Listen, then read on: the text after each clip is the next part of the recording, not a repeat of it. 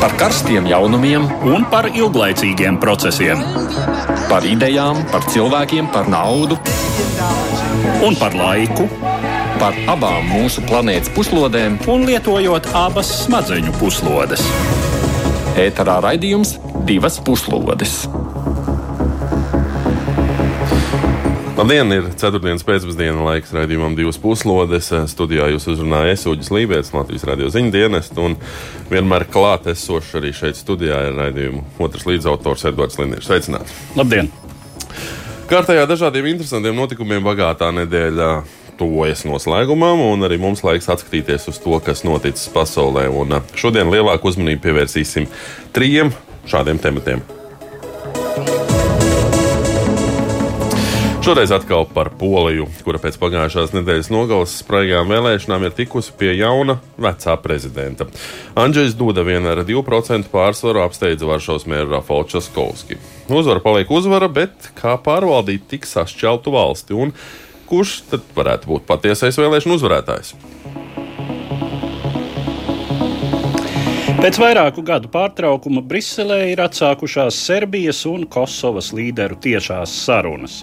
Kosova ir atteikusies no tirdzniecības ierobežojumiem, paverot ceļu diskusijām par abu pušu turpmākajām attiecībām. Vai varam gaidīt, ka Serbija jau kad atzīs Kosovas vienpusēji pasludināto neatkarību, un vai tas veicinās gan pašas Serbijas, gan Kosovas iespējamo tuvināšanos Eiropas Savienībai?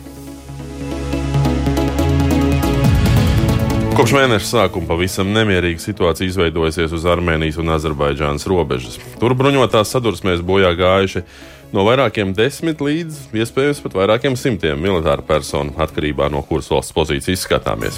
Kas šoreiz kalpojas jau gada desmitiem ilgā konflikta uzliesmojumu un cik nopietni būtu jāuztver protestētāji saukti iesaistīties atklātā karā. Bet varbūt šī ir ārēja provokācija. Šiem tematiem kopā ar ekspertiem pievērsīsimies šīs stundas laikā, bet sākumā vēl dažas īsākas ziņas.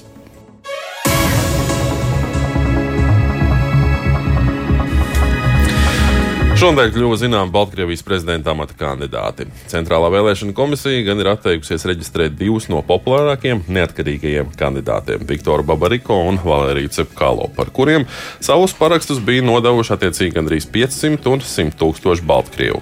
Šī ir faktiski pirmā reize, kad parakstu savākušajiem kandidātiem netiek dot iespēju vēlēšanās startēt. Vēlēšana komisijas lēmums izraisīja sabiedrības sašutumu un spontānas protesta akcijas Minskas un arī citu lielāko pilsētu ielās. Nebūtu ne spontāna, izrādījās milicijas spēcvienība pretreakcija, aizturot vairākus simtus cilvēku. Tagad galvenais jautājums ir, vai protesti turpināsies un kādu scenāriju izvēlēsies atlikušo kandidātu komandas. Apvienoties, startēt atsevišķi, vēlēšanas boikotēt vai tomēr tajās piedalīties.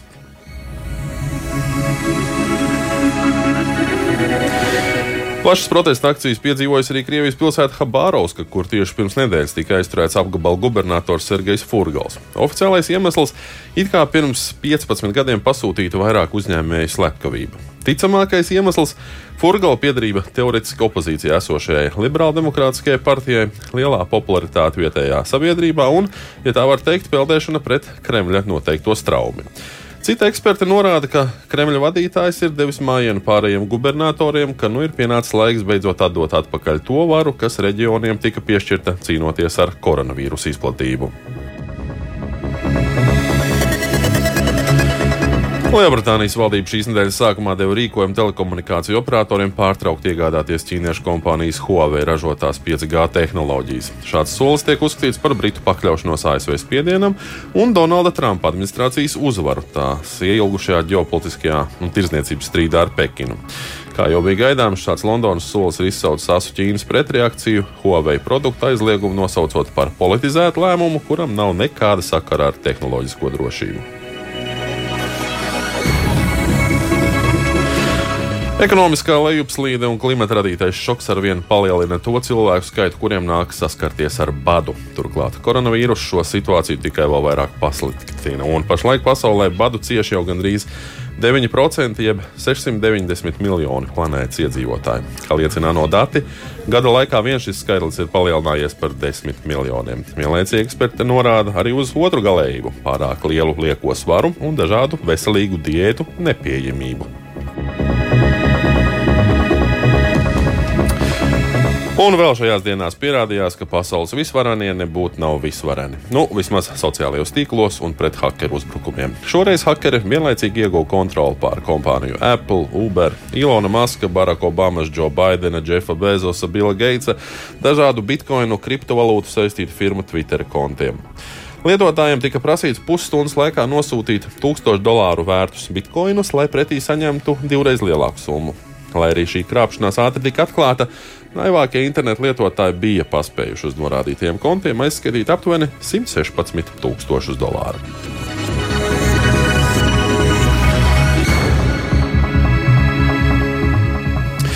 Bet tagad gan par sākumā minētajiem tematiem plašāk, vispirms par polijas vēlēšanu iznākumu.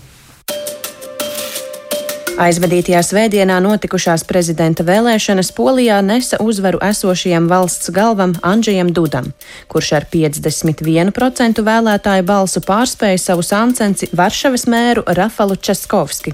Līdz ar to izplēnējušas Polijas liberālās opozīcijas cerības mainīt līdzšinējo pie varas esošās partijas likums un taisnīgums kursu, kura ietveros cita starpā izpildvaras kontrolē tiek pakļauta tiesu vara. Kā zināms, šī virzība jau izpelnījusies asu kritiku no Starptautisko cilvēktiesību organizāciju un Eiropas parlamenta puses. Eiropas komisijai uzsākot izmeklēšanas procedūru par likuma varas apdraudējumu Polijā. Ar minimālo vairākumu, kas pagājušā gada vēlēšanās tika iegūts Seimā un sev lojālo prezidentu Dudu, partijas likums un taisnīgums rokās paliek nepieciešamie instrumenti savas politikas tālākajai īstenošanai. Priekšvēlēšanu kampaņa, kurā esošais prezidents nekautrējās izmantot varas kontrolēji jau pakļautos sabiedriskos mēdījus kā propagandas rīku, nozīmīgs akcents tika likts uz tradicionālo vērtību sargāšanu, pozicionējot savu pretinieku kā šo vērtību grāvēju un samaitāju izšķirošu ietekmju izplatītāju. Balsojums atklāja idejisko plaisu, kas šķeļ polijas sabiedrību divās teju vienādās daļās. Andžeja Dudas un likums un taisnīgums elektorāta bāzi pamatā veido gados vecāki poļi, reģionāli, valsts centrālie un dienvidaustrumu rajoni. Sevišķi spilgti iezīmējas atšķirības starp laukiem un pilsētu. Ja iepriekšējās vēlēšanās 2015. gadā tādās samērā lielās pilsētās valsts austrumu daļā kā Bjālistoka un Ljubļina vairums balsoja par Dudu, tad šoreiz tur uzvaru guvis Českovskis. Taču apkārtējos lauku reģionos un mazpilsētās atbalsts esošajam prezidentam tikai pieaudzis divas puslodes. Šobrīd mūsu raidījumam telefoniski pievienojas Vidzemes augstskolas pasniedzējs politologs Jānis Kapustāns. Labdien! Sveicināti! Un arī vēsturnieks un politologs Kārlis Daugšs. Sveicināti! Labdien! Dzirdējām šo tādu kopsavilkumu par vēlēšanām, un jau arī daudziem ir redzama šī izteiktā um, polijas sašķelšanās. Daudzi jau ir tādi novilkuši, tā karikatūru šodien redzēju. Sarkani balts karoks, pa vidu novilktas vītra, un vienā pusē ir jā, otrā nē. Um, sāksim varbūt ar jums, Kapustānkungs. Kā jūs vērtētu polijas vēlēšanu iznākumu un par ko tas viss liecina? Tā vienkāršot runājot, varētu teikt, ka gandrīz notika brīnums, bet ar vārdiem gandrīz, un tātad tomēr šis brīnums nenotika. Un, ja mēs paskatāmies prezidenta vēlēšanu pirmo kārtu, nu tad neapšaubām esošais prezidents Andrzejs Duda tomēr bija daudz pārliecinošāks un spēcīgākās pozīcijās un bija par veseliem 13% priekšā opozīcijas kandidātam Šaskovskim. Un es minēju šo vārdu brīnums. Tātad otrajā kārtā šie rezultāti jau bija ļoti, ļoti tuvu. No tāda viedokļa mēs varētu teikt, ka opozīcijas nu, teiksim, sasniegtais ir gandrīz perfekts, gandrīz ideāls. Jo nu, tradicionālās konservatīvās vērtības tomēr polijas sabiedrībā ir ļoti spēcīgas. Un ar balstoties tikai uz liberālām vērtībām, ir gandrīz neiespējami uzvarēt tradicionālās konservatīvās vērtības. Un tādā sakarībā varētu teikt, ka šis opozīcijas rezultāts ir ļoti lielisks, bet tā kā pie varas, ja par prezidentu viņa kandidāts netika, nu tad ir šie vārdi gandrīz brīnums. Un, protams, ka lielu lomu, es domāju, esošam prezidentu uzvarai tomēr spēlē šis sociālais atbalsts, kas uh, lauku cilvēkiem un mazām pilsētām un daudziem cilvēkiem ir ļoti nozīmīgs. Mums to nevajadzētu novērtēt pa zemu, ka šis sociālais atbalsts, nu, tas tomēr iespējams spēlē ļoti lielu lomu, lai esošais prezidents varētu saglabāt savu varu. Daužta kungs, vai jūs ar to uzskatāt par gandrīz un par gandrīz brīnumu? Manuprāt, ka šeit tomēr varbūt tik daudz par brīnumu nevajadzētu runāt, bet par vienu ļoti zīmīgu tendenci, kura ir Austruma Eiropā un vispār, vispār pasaulē pat labam. Netik daudz Polijā šoreiz bija vēlēšanu pamatā uh, sociāla-ekonomiskā problemātika, kura ir parasti dalā arī sabiedrību un interešu grupas, bet gan ideoloģiskas pēc būtības pilnīgas pretī, eh, pretnostādīšana vērtību ziņā. Un tāpēc arī tradicionālais polijas skatījums uz vērtībām, uz cilvēku dzīvi ir kļuvis par noteicošo ar savā politiskajā izvēlē. Un tas, manuprāt, ir ļoti zīmīgs rādītājs arī diezgan uh, citām uh, Austrumēropas, nosacīti Austrumēropas valstīm. Tāpēc arī šeit rodas arī vēl viens izaicinājums. Šis izaicinājums ir saistīts ar pretnostādīšanu pret Eiropas Savienībā, pret teiksim, centrālajām valstīm. Uh, kur ir citādāks uzskats. Manuprāt, tā, tā nav tikai vienkārši tāda uh, polijas iekšējā lieta, bet tā ir ļoti zīmīga Eiropas Savienībai, vispār, vispār vēlēšanu procesiem kā tādiem, arī iespējams pārējām valstīm. Tāpēc domāju, ka uz polijas vēlēšanām jāskatās ar, ar tādu kā, nu, ar tādu kā eksperta vērtējumu tālākajiem notikumiem, kas būs. Es domāju, ka Dudas uzvara tā ir tikai pat laban tāda. Es pat gribētu lietot šo vārdu. Tā ir pira uzvara, jo viņam būs ļoti sarežģīti pat labam uh, savaldīt, vai ne, ja ne savaldīt, bet konsolidēt valsti. Prezidenta uzdevums ir konsolidēt šo sašķelto valsti, atrast uh, tādas idejas, kuras apvienotu valsti ne tikai ar teiksim, tieslietu un dažne dažādiem saukļiem, kurus neatbalsta diezgan liela sabiedrības daļa, gandrīz puse. Nu, tāpēc arī domāju, ka viss Polijā tikai sākas. Tas nav nekāds beigas, bet tikai sākums. Un šajā brīdī es gribētu jūs arī aicināt paklausīties, ko par polijas prezidenta vēlēšanu iznākumu un arī nākotnes prognozēm, tostarp arī attiecībām ar Eiropu, saka Varšavā bāzētās neatkarīgās domnīcas Wise Europe pārstāvis Adams Balcers. Paklausīsimies! I think that uh, definitely we passed some kind of Es domāju, ka mēs noteikti esam šķērsojuši savu veidu Rubikonu, un es varētu piekrist tam viedoklim, ka šīs vēlēšanas Polijā ir svarīgākās pēc 1989. gada. Kāpēc? Jo ilgākā laika periodā šī bija vienīgā iespēja opozīcijai apturēt un pavērst atpakaļ pašreizējo procesu. 2015. gada vēlēšanās pirmo reizi mūsdienu Polijas vēsturē viena partija, konkrēti likums un taisnīgums, ieguva parlamentāro vairākumu, un viņiem izdevās to atkārtot arī pagājušo gadu. 2019. gadā. Tas fakts, ka šī partija tiecas daudz ko izmainīt Polijā un ir jau izpelnījusies šai sakarā starptautisko cilvēktiesību un brīvību aizstāvības organizāciju tādu kā Amnesty International un Freedom House uzmanību. Arī Eiropas institūciju uzmanību. Eiropas parlaments jau ir pieņēmis šķiet kādas piecas rezolūcijas, kuras asi kritizē pašreizējo situāciju Polijā. Tad vēl ir šī iedarbinātā Eiropas Savienības līguma 7. panta procedūra, ir Eiropas Savienības tiesas spriedums un tā tālāk un tā tālāk. Nepārprotam, tas, kas notiek Polijā, tiek raksturots kā demokrātijas lejupslīde, pusautoritāras sistēmas izveide un tam līdzīgi. Tieši tāpēc šīs vēlēšanas bija tik svarīgas, ka, ja valdošajai partijai nebūtu prezidenta posteņa, tā zaudētu iespēju turpināt šo savu politiku. Var prognozēt, ka mēs kļūsim nedemokrātiskāki, un es visnotaļ varu iedomāties, ka Freedom House reitingā Polija no brīvas valsts kategorijas nonāks daļēji brīvas valsts kategorijā, kur mūs jau gaida priekšā mūsu ungāru draugi.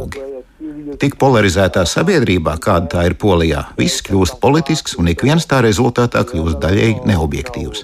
Tā ir problēma, kas ļoti visu sarežģīja Polijā. Ļoti pietrūkst nopietnu publisku debašu, kas balstītos faktos. Ir ļoti daudz aizspriedumu, stereotipu un tam līdzīgi. No vienas puses, mums saskaņā ar sociālajām aptaujām ir ļoti proeiropeiska sabiedrība. Jā, bet šī nostāja patiesībā ir ļoti virspusēja. Tā nav pamatīga. Ir vispārējais atbalsts dalībai Eiropas Savienībā, kas pamatā tiek uzlūkot kā naudas avots. Šī attieksme ir pilna pretrunām, jo tajā pašā laikā poļi savā lielajā vairākumā ir pret polijas iekļaušanos Eirozonā. Otra problēma ir saistīta ar kultūru, vērtībām un tā tālāk. Ir diezgan daudz poļu, un tas ir nozīmīgākais valdošās partijas elektorāts, kuriem ir ļoti ambivalenta attieksme pret Rietumu Eiropu. Viņiem Rietumu Eiropa, ja atkal saskaņā ar sociālajām aptaujām, ir savu veidu apdraudējums tradicionālajām poļu vērtībām. Viņu ieskatā Polija ir citāda. Proti, tieši mēs viņu uztverē esam īstie rietumi. Savukārt Rietuma Eiropa pagrimst slīkst perversijās, jo tur plaukst seksuālās minoritātes, tur ir musulmaņu imigrācija, tiek ielaisti migranti, pastāv genderisms, radikālais ekoloģisms un tā tālāk. Un tā ir problēma, ka valdošā partija var izspēlēt šo kārtu pret Eiropas Savienību, un diemžēl reizēm viņi to arī dara. Tādējādi sabiedrības proeiropeiskums var tikt visai ātri iedragāts, un tieši to valdošā partija darīja šajās vēlēšanās. Viņi uzbruka Vācijai, un Vācija un Polija, kā zināms, ir ļoti cieši saistītas. Tad vēl, tagad ir izvirzīta priekšlikuma, ka varētu tikt ieviest sasaistes starp likumvaru un eiro fonda pieejamību. Un, ja samazinātos Eiropas Savienības naudas plūsmu uz Poliju, tas tūdaļ mazinātu pozitīvo attieksmi pret Savienību. Un, protams, visticamāk, šī tā saucamā reforma, kur viņi grasās īstenot tieslietu sistēmā, nesīs jaunas cīņas ar Eiropas institūcijām, jaunus verdiktus, rezolūcijas, sankcijas un tā tālāk. Taču viņi ir apņēmības pilni šo reformu īstenot divas puslodes. Edvards, es gribētu aicāt tev, tu dzirdēji Ādama teikto arī faktiski, un arī Daugstkunga teikto, ideoloģiskais nu, pretnostatījums, eiro optimisms. Un uh, trešais, ļoti liels simpātijas pret Eiropas Savienību, Eiropas naudas dēļ. Identiska situācija ar Latviju. Nu, diezgan tuvu, jā diezgan tuvu. Tā starpība ir tā, ka pie mums nav. Un tas arī ir diezgan loģiski, ka pie mums nav īsti vienas partijas, kura varētu tā konsolidēt varu. Vairs nav, varbūt. Es domāju, nekad arī nav bijis tādā mērā. Jo, nu, ja, ja, iz, ja neskaita Latvijas ceļu, kurš ieguva pirmajā atjaunotās Latvijas valsts saimā, vairākumu, absolūto vairākumu, respektīvi, nu, ko mēs formulējam par absolūto, bet nu, tātad vairākumu, eh, par, vairāk par 50%, eh, tad eh, tāda partija pēc tam nav bijis. Un parasti arī tā tas nenotiek sabiedrībās, kurās, kuras nav etniski monolītas. Eh, jo visu laiku ir jārēķinās ar šo kaut kādu jau dabisko iespējamo opozīciju. Polija, kā zināms, ir etniski ļoti monolīta valsts. Tajā pašā laikā tā ir valsts ar eh, ļoti sarežģītu vēsturi un ļoti sarežģītu un dramatisku pašreizējo robežu izveidošanās procesu. Eh, un tas arī ir zīmīgi, ka lūk, par šo liberālo opozīciju vairāk balso tieši tajās polijas daļās, kuras Polijai pievienojās pēc otrā pasaules kara, kur tātad iedzīvotājs struktūra ir citāda. Acīm redzot, tur iebraukušie. Um, tur, tur nav tik iesakņotas šīs tradicionālās kopienas, uh, ar uh, stipro katoļu baznīcu. Tie ir nu, tā, uh, tādi drusku migranti vai, vai cilvēki, kuri ir likteņa tur ienesti šais teritorijās, kurās pirms tam dzīvoja vācieši, kur no turienes tika brutāli izraidīti. Tā ir Silēzija, tā ir uh, Austrum Pomerānija un Dienvidu Prūsija. Ja? Tātad bijušās Vācijas zemes. Un, un tur balso, un arī lielajās pilsētās balso pamatā par šo pilsonisko platformu. Savukārt, tur, kur ir šie, šie tradicionālie, tradicionālie priekšstati, stipri gadsimtiem ilgi iestrādāti, ja, tur tas ir. Tur tas ir citādi. Nu, es jau palasu internetu komentārus, un tas man ir ļoti interesanti. Tas, ko Daugsta kungs saka, jā, tā nav viena izolēta polijas problēma. Tas, tas, ko var Tas lasīt visās tajās saucamajās jaunajās Eiropas, valsts, nu, Eiropas Savienības valstīs, ja mēs tā. Eiropas, teiksim, kā ir Eiropas Savienības valstīs, kurās demokrātija vēl ir jauna un nenobriedusi, kur nav iestrādātas, dziļi iestrādātas demokrātijas tradīcijas. To mēs ļoti labi redzam, un līdz ar to mēs varam secināt, ka demokrātija uh, kā sistēma ir uzbūvējama ātri, bet kā politiskā kultūra iesakņojas simtiem gadu ilgā laikā. Uh, un, uh, diemžēl tā ir mūsu nelaime. Ja? Mēs esam jauni šai ziņā, un arī mums ir visi daudzi tie paši apdraudējumi, kas Polijā. Un, un domājot par to, kas tad ar Poliju varētu notikt tālāk. Nu, te ir divi varianti. Ja? Kā jau Balcerkungs teica, laiks nespēlē par labu. Šai, šai konservatīvajai strāvai no vienas puses, jo uh, jaunieši pamatā tomēr ir tendēti balsot par opozīciju. Um, arī teiksim, tas sociālais. Ja? Uh, nu, sociālā situācija tad visu laiku ir jādod kaut kādi uh, Nu jā, tas, ir, tas ir jautājums, cik, uh, tas ir viens no jautājumiem, cik ilgi šis Bet, bet tā, tā iespēja ir nu, tomēr mēģināt izdarīt kaut ko līdzīgu tam, kas ir izdevies uh, Orbānam un Fidesz Ungārijā. Uh, kur uh, vienkārši marginalizējot visus opozicionāros mēdījus, uh, pakļaujot sev tiesu, varas, eh, tiesu varu daļēji, ja, konsolidējot šo varu, marginalizējot vispār opozīciju, nu, tiek panākts tāds uh, fundamentāls spiediens uz sabiedrības apziņu, ka sabiedrība tiešām parakstās uz to, ka vadonis, vienotība un skaisti. Ja, Un saulainais maijs. Es vēl gribētu Kapistāna kungam un uh, Dauškungam uzdot jautājumu. Uh, Polija pašlaik ir nonākusi, nu, faktiski tūlīt arī nonāks pirmajā recesijā 30 gadu laikā. Un priekšā stāv arī nu, dažādi jaunie Eiropas virzītie projekti, uh, tostarp arī uh, zaļais kurs, kas uh, nu, galīgi nepatīk no oglēm atkarīgajai Polijai. Kā jūs vērtējat, kā ekonomiskie faktori var ietekmēt šo stabilitāti Polijā un notikumu attīstību? Šoreiz sāksim varbūt ar Daugstu kungu. Man ir grūti komentēt tīri ekonomiskos aspektus, kuri pat labi nosaka ļoti būtisku, pag, būtiskus pagriezienus enerģētiskajā jomā. Bet es atzīmēšu vienu lietu, ka pat labam konservatīvā Dudas virziena nosacīti, Dudas virziena politologi, politiķi, viņi ļoti uzsver vienu domu, cik mēs esam ļoti spēcīgi saistīti ar Trumpa Ameriku. Tieši ar, es uzsveru, ar Trumpa Ameriku.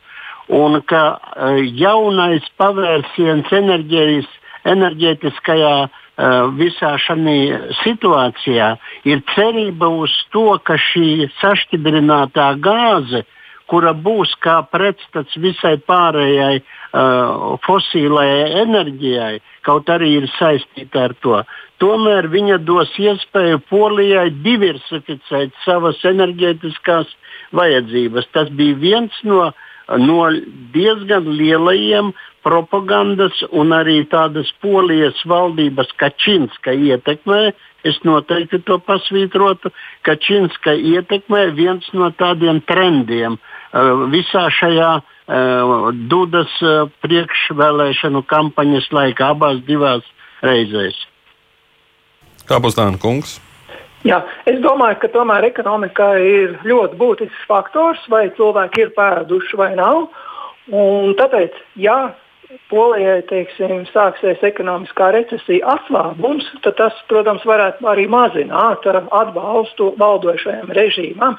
Savukārt, ja izdosies noturēt ekonomiku labā līmenī, un poļiem tiešām ļoti ilgi ir izdevies noturēt bez krituma Galu galā 2008. un 2009. gada krīze viņus neskāra. Viena no nedaudzām valstīm, kur neskāra. Tas arī veicināja, viens no faktoriem, kas veicināja pilsonisku es atvainojos, likums un taisnīguma, teiksim, šī te politiskās spēka popularitāti.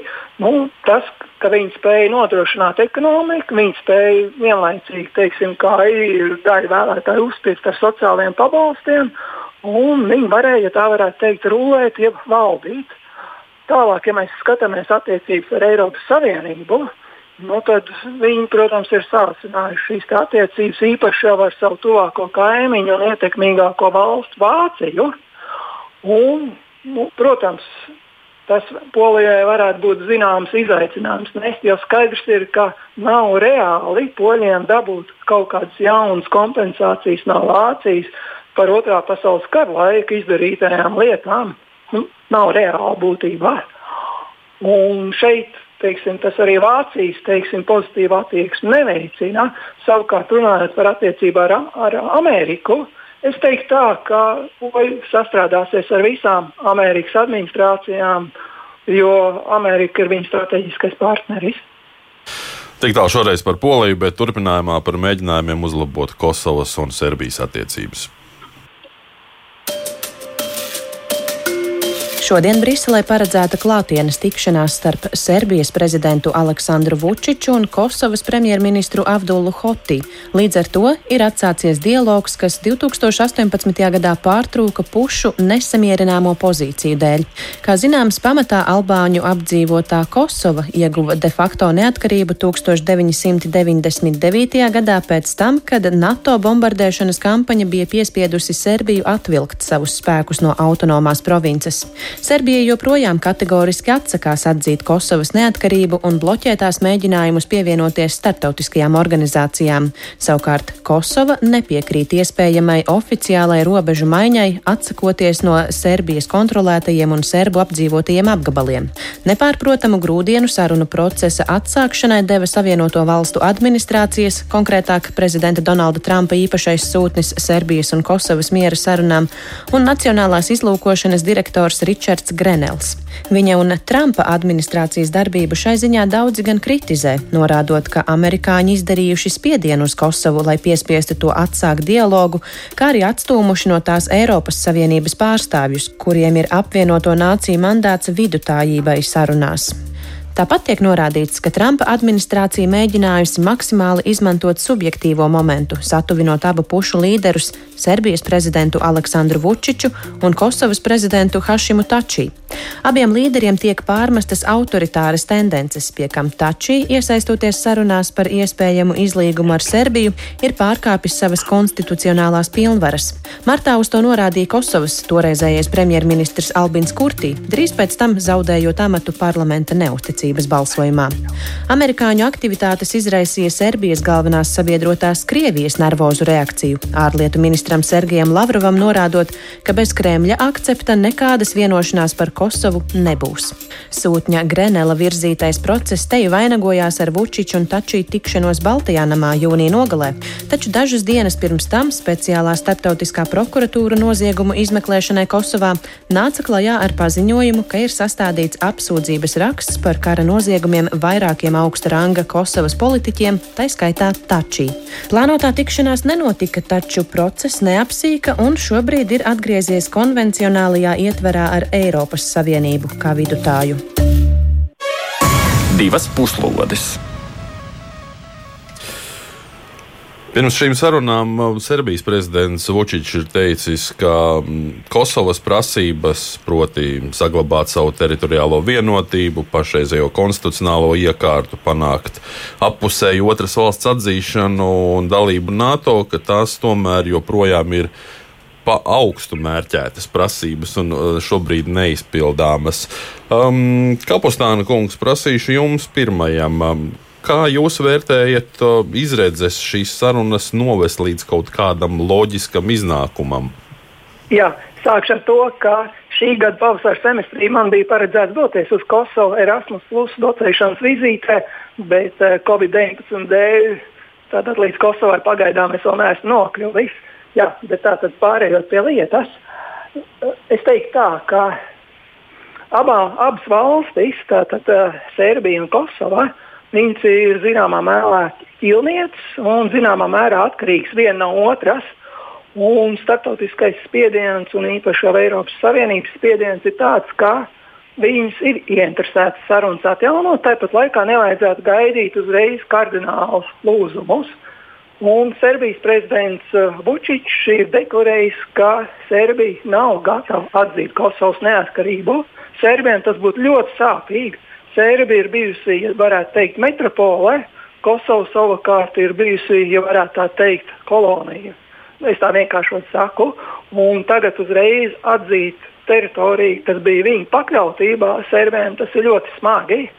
Protams, ja Sērbi tiešām vēlēsies iestāties Eiropas Savienībā, nu, tad viņiem kaut kādā veidā līdz Kosovas atzīšanai nāksies nonākt, bet pagaidām, tuvākos gados, es neredzu, ka tas varētu notikt, jo pārāk smagi jautājumi. Un vienlaikus mums jāatzīmē arī, ka Kosovai arī ir pilns ar visādām problēmām. Pirmkārt, jau prezidentam saistībā ar šo starptautisko tribunālu, un arī Kosovai. Arī viņiem ir viens rajons, Mitrovicas rajons, kur dzīvo pamatā sērbi, kas būtībā cenšas nepakļauties un ignorēt Kosovas pārvaldi. Tāpēc ir šīs debatas, ka varbūt teritorijas apmainīt. Eiropas Savienības princips ir, ka teritorijas nu, robežas nevajadzētu aizstīt, bet faktiski šis ir ļoti jūtīgs jautājums. Mana prognoze ir tāda, ka nu, sarunas atsākās, un tas ir pozitīvs fakts, jo pirms mēs runājām par pār, nākamo tēmu, tā Armēnija un Azerbaidžāna, mēs nevaram iedomāties, ka tur līderi tagad vienkārši sanāk kopā un paspiest roku. Tā no tāda viedokļa šeit ir ļoti pozitīvi, ka abas puses spēj sanākt kopā un pārunāt jautājumus. Varētu būt progress mazos jautājumos, bet nevajadzētu gaidīt, ka tūlīt visas lielās sāpīgās lietas tiktu atrisinātas. Tam, protams, ir vajadzīgs ļoti ilgs laiks. Daugsts kungs jau iepriekš tika minēts arī šis process, kas ir uzsākts pret Hašimu Tačī par vairāk simtu cilvēku bojāju. Daudzi kosovieši Tačī uzskata par varoni. Arī viņš pats ir teicis, ka nu, tāda bija uzvaras cena. Un, kā mēs zinām, uzvarētājs netiesā. Nu, vismaz tautas sirdī netiesā. Kā jums, jūsuprāt, šie vēsturiskie faktori nu, ietekmē visu šo procesu virzību?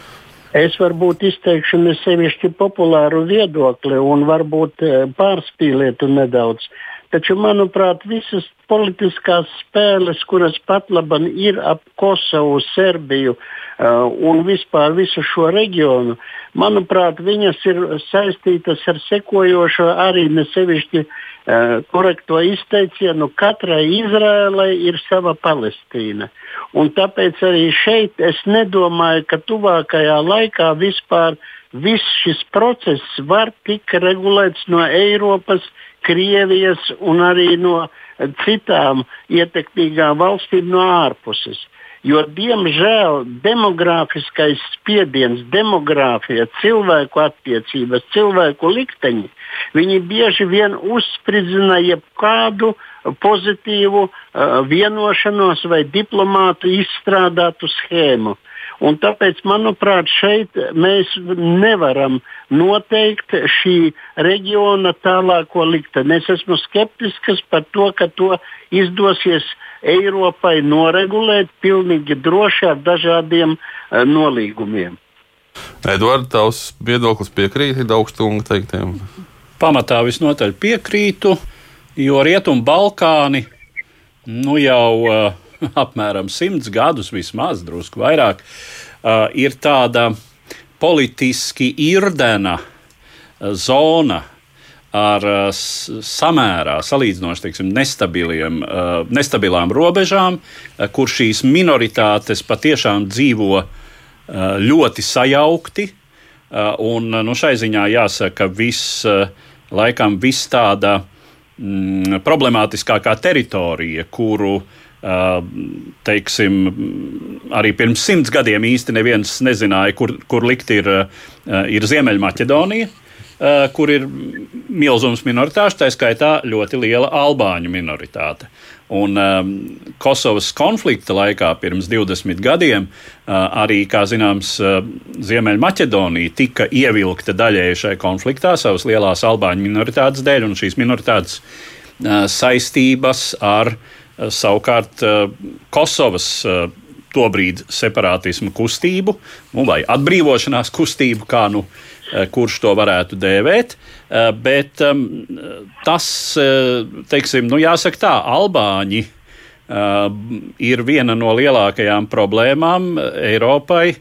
Gan ievērojot pašas Albānijas sociālo-ekonomisko situāciju gadu desmitiem, ieilgušās problēmas, gan Albāņus, gan Kosovu, kas ir pamatā Albāņu valsts, gan lielo albāņu skaitu Maķedonijā. Būtībā, eh, kā Kapustāns vienā sarunā eh, ar mani pirms kādiem gadiem eh, teica, tad Albāņiem ir trīs valstis. Jā, tā, ir, tā ir Albānija, tā ir Kosova un tā ir arī Maķedonija, kur Albāņiem nu, ir liels tiesības. Un, un līdz, ar, līdz ar to, teiksim, Eiropas Savienība, jā, protams, Eiropas Savienība ir ļoti ieinteresēta šī reģiona stabilizācijā.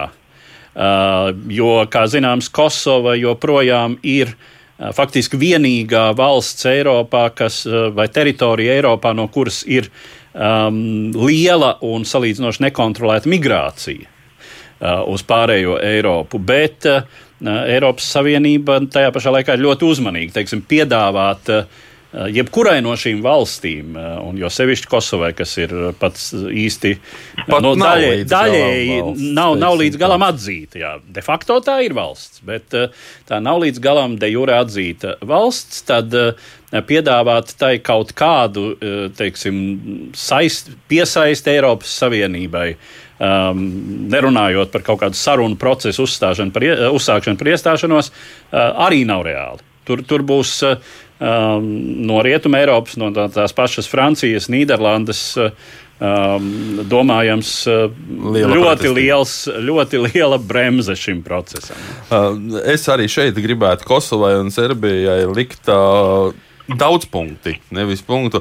Jo mm. par Albāņiem vēl varētu teikt, ka viņiem vēl tur pie tās pusvalsts tagad jau arī, man liekas, Spānijas daļa tur un, un kas tik nu, tādā, tik ziņā, tādā ziņā mēs to varam teikt par rumāņiem, nu, jā. poļiem un, tā, un galu galā, nu, latvieši īrijā jau arī nav nemaz tik maz. Jā? Nav, nav. Uh, labi, tagad mēs pievērsīsimies citam, nu, jāsaka, daudz karstākam konfliktam starp Armēniju un Azerbaidžānu.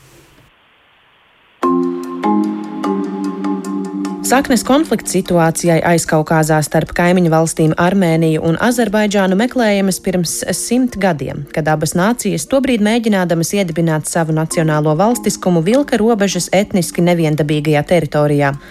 Lielā mērā kaimiņu tautu nesaskaņas bija iemesls tam, ka reģions tolaik nonāca padomju Krievijas kontrolē. Procesā, kurā nozīmīga loma bija toreizējam padomju Savienības tautas komisāram nacionalitāšu jautājumos Josifam Staļinam, armēņu kompakti apdzīvotais Arcahas reģions nonāca Azerbaidžānas sastāvā kā Kalnu Karabahas autonomā republika.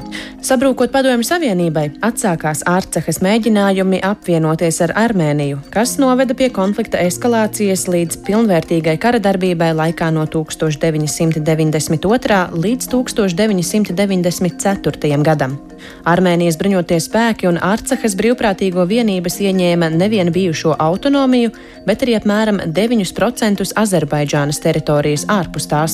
Ar Krievijas starpniecību tika panākts pamieris un sāktas sarunas, kas turpinās joprojām, periodiski notiekot pamiera pārkāpumiem. De jure Armēnijas kontrolētā teritorija joprojām uzskatāma par piederīgu Azerbaidžānai.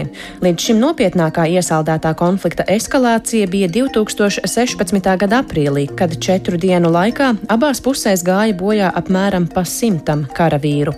Kopš pagājušās svētdienas pienāk ziņas par jaunu konflikta uzliesmojumu, šoreiz ārpus tiešās Kalnu Karabahas konflikta zonas pie abu valstu robežām uz ziemeļiem no tās. Puses apsūdz vienu otru civilo objektu artilēriju artilērijas apšaudēs, kam sekojusi kara darbības aktivizēšanās, izmantojot tankus, raķešu ieročus un dronus.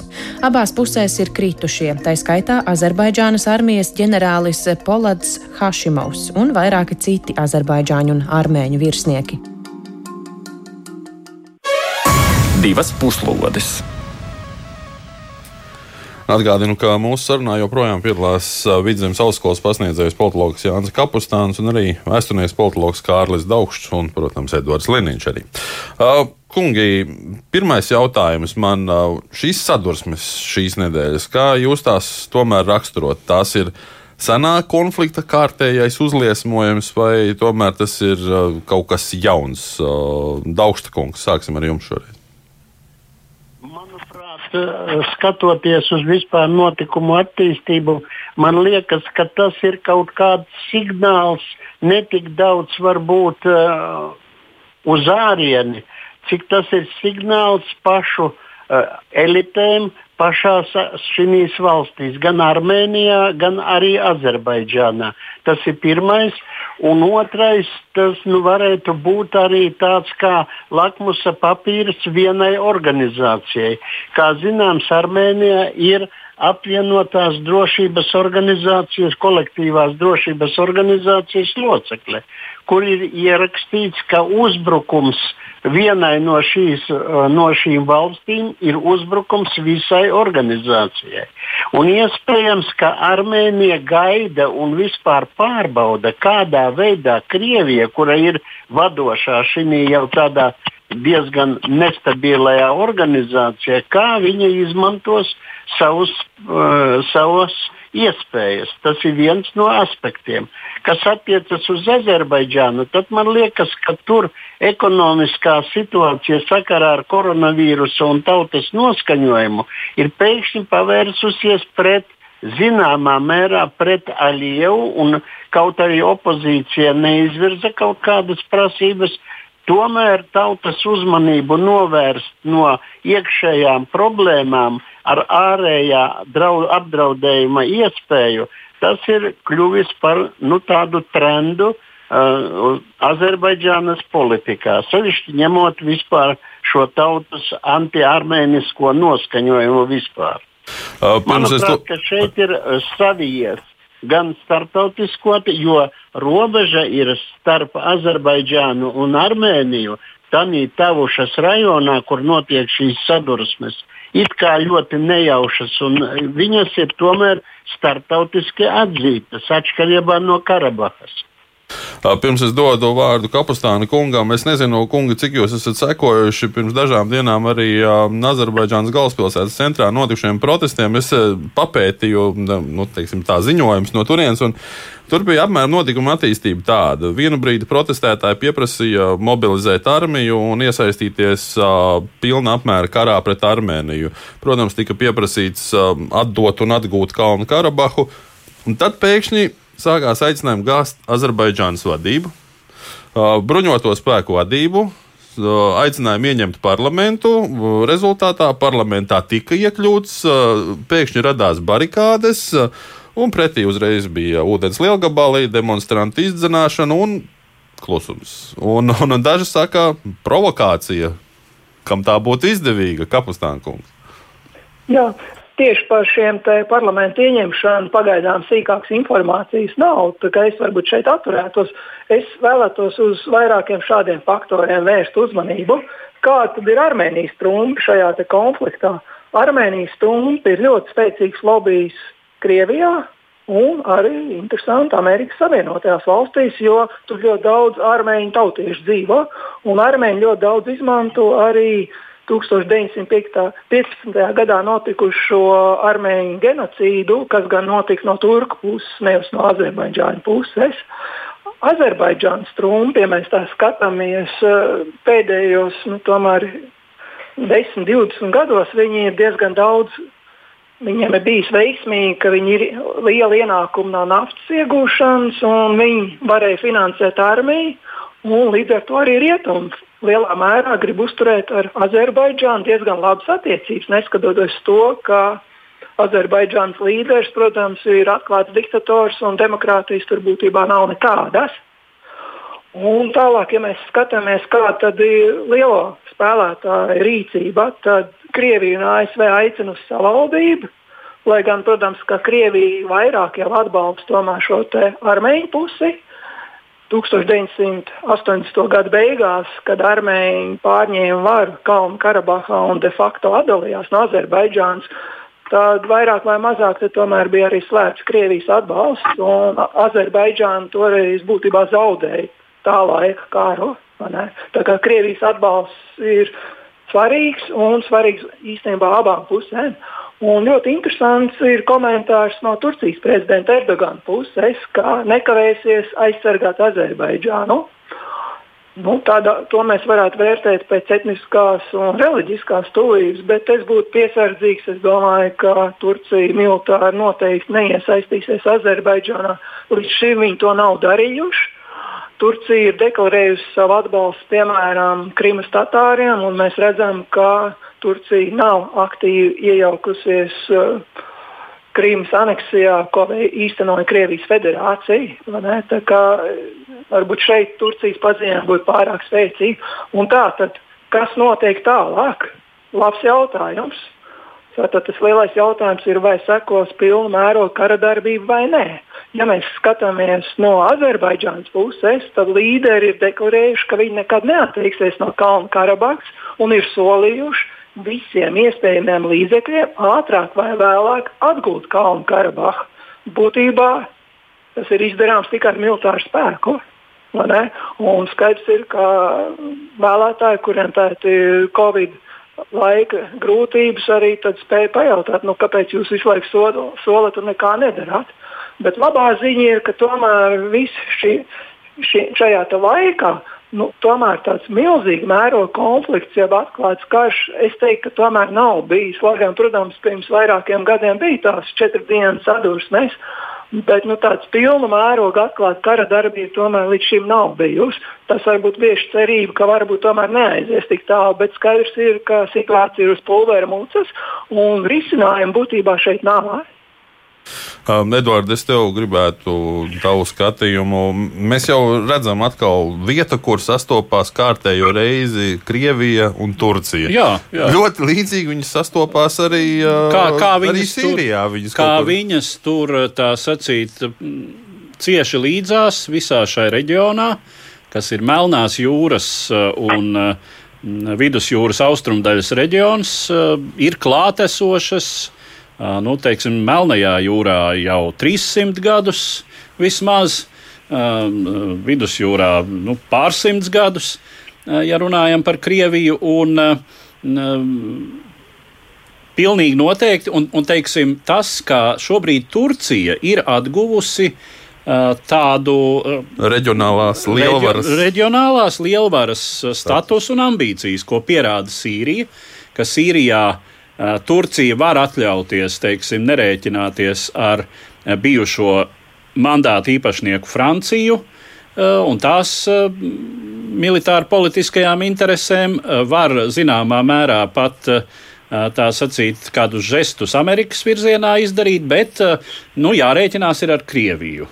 Protams, kas, un, un ļoti līdzīgi tas ir arī šajā situācijā, jo Eh, nu, pāris lietas, kuras šķiet mēs nepieminējām. Azerbaidžāņi jeb azeri ir etniski ļoti tuvi turkiem. Tā ir faktiski viena valoda, un abas ir musulmaņu nācijas. Un abas ir nācijas ar līdzīgu vispār politisko kultūru un domāšanu.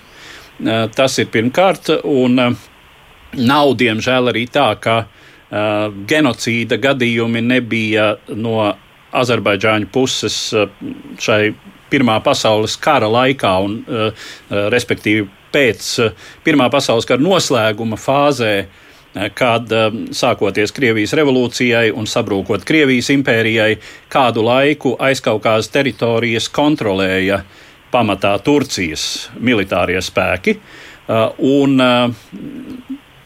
šajā laikā notika vairāki incidenti, masu, masu slepkavošanas gadījumi, nu, piemēram, slavenais Šušas slaktiņš, ja nemaldos, 1919. gadā, kad vairāk desmit tūkstoši armēņu tika pāris dienu laikā noslepkavoti no Azeru paramilitāro vienību puses. Un vēl, viena, vēl viens faktors, protams, tā ir nafta un gāze kura eh, ir Azerbaidžānas rīcībā. Eh, tā tiek tirgota, ienākumi ir lieli. Un liela daļa no šiem ienākumiem ir tikusi veltīta valsts militārās kapacitātes stiprināšanai pēdējā laikā, un, nu, attiecīgi, arī retorika. Un ir saprotams sabiedrības, nu, zināms, prasījums tātad režīmam. Un Azerbaidžānā mēs runājam par režīmu. Ja? Kur dēls ir, ir mantojis tēva varu, bijušā kompartijas, Azerbaidžānas kompartijas pirmā sekretāra Heidara Lieva dēls, tagad ir uh, Azerbaidžānas prezidents. Nu, tātad sabiedrības prasījums, nu, vadoni mēs eh, lielu daļu naftas un gāzes naudiņas liekam eh, šāviņos, lielgabalos un dronos. Nu, kur, ir, kur ir rezultāts? Jā, jā. Jāliek lietā. Uh, noslēgumā mums vēl ir apmēram divas minūtes laika. Es gribētu Daužs kungam jums uh, uzdot tādu noslēdzošo varbūt jautājumu. Uh, šis konflikts, nu, daudz viņu sauc par iesaldēto konfliktu, nu, tāds nedaudz atkusis iesaldēts konfliktiņš. Cik tomēr ir nozīmīgs šāds, šāds viens reģionāls konflikts? Un mēs zinām, ka nu, Krievija ir mēģinājusi izveidot vairākus šādus pusiesaldētus konfliktus savā apkārtnē. Cik būtu nozīmīgi tādus atrisināt?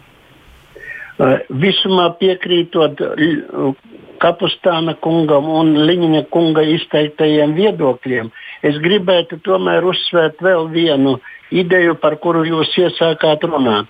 Tas ir Krievijas ārējā politika un sevišķi Lavrova pēdējie paziņojumi liecina par to, ka viņš atturas ieņemt vienas puses pozīciju, nostāties vienā vai otrā pusē. Kaut arī ir līgumi un tā tālāk. Krievijas ārpolitikā katrs iesaldētais konflikts ir vajadzīgs, lai pastiprinātu savu diplomātisko un daļēji arī varbūt militāri politisko ietekmi uz noteiktu reģionu. Tāpēc es domāju, ka nav izdevīgs Krievijai pēkšņs militārs risinājums ne no, ne no vienas puses ar vienas vai otras puses uzvaru, bet gan saglabāt šo konfliktu kā nepārpermanenti iesaldētu, lai viņu varētu izmantot savās ārpolitiskajās interesēs un savu interesu diplomātiskajā nodrošinājumā šajā reģionā. Tas ir mans viedoklis. Es domāju, ka uh, tam, tam ir diezgan daudz piekritēju politiskajās aprindās un domāju, ka tā tas laikam ir Krievijai. Konflikti bieži vien vajadzīgi nevis risinājumam, bet gan tālākai iedarbībai uz uh, ārpolitisko struktūru šajos reģionos. Ar šo kopsavilkumu arī liksim punktu Armēnijas un Azerbaidžānas konfliktam. Un, un atcerēsimies, ka ļoti bieži šajos konfliktos, līdzīgi kā Krimā un Austrumukrānā, Nastamņiet, mūsu tur nav. bet, bet tajā šāda spēlē tomēr pie kauliņu bīdīšanas kaut kur, nu, man liekas, tas Maskavas pirksts tomēr ir jūtams. Šajā brīdī man jāsaka paldies Kapustāna kungam no Vidzemes augstskolas un arī vēsturniekam politologam Kārlim Daugštam par dalību šīs dienas diskusijās. Protams, paldies saku arī šī raidījuma otram veidotājam, līdzautoram Eduardam Liniņam. Um, studijā šoreiz bija Esuģis Lībijams. Uh, Raidījums ir pietuvojies izskaņai. Mūsu producente šodien bija Loreta Bērziņa. Paldies, ka klausījāties. Divas puslodes pie jums atgriezīsies jau nākamajā nedēļā. Un vēl tikai atgādinājuši, ka gan šo raidījumu, gan arī visus citus Latvijas radio viļņos skanējušos ārpolitikai veltītos sižetus jūs varat atrast, uh, pievienojoties mūsu Facebook grupai Ārpolitika Tūplānā. Uz atzīšanos atkal jau kādā citā laikā, kad lūkosim, kas noticis šīs planētas abās puslodēs.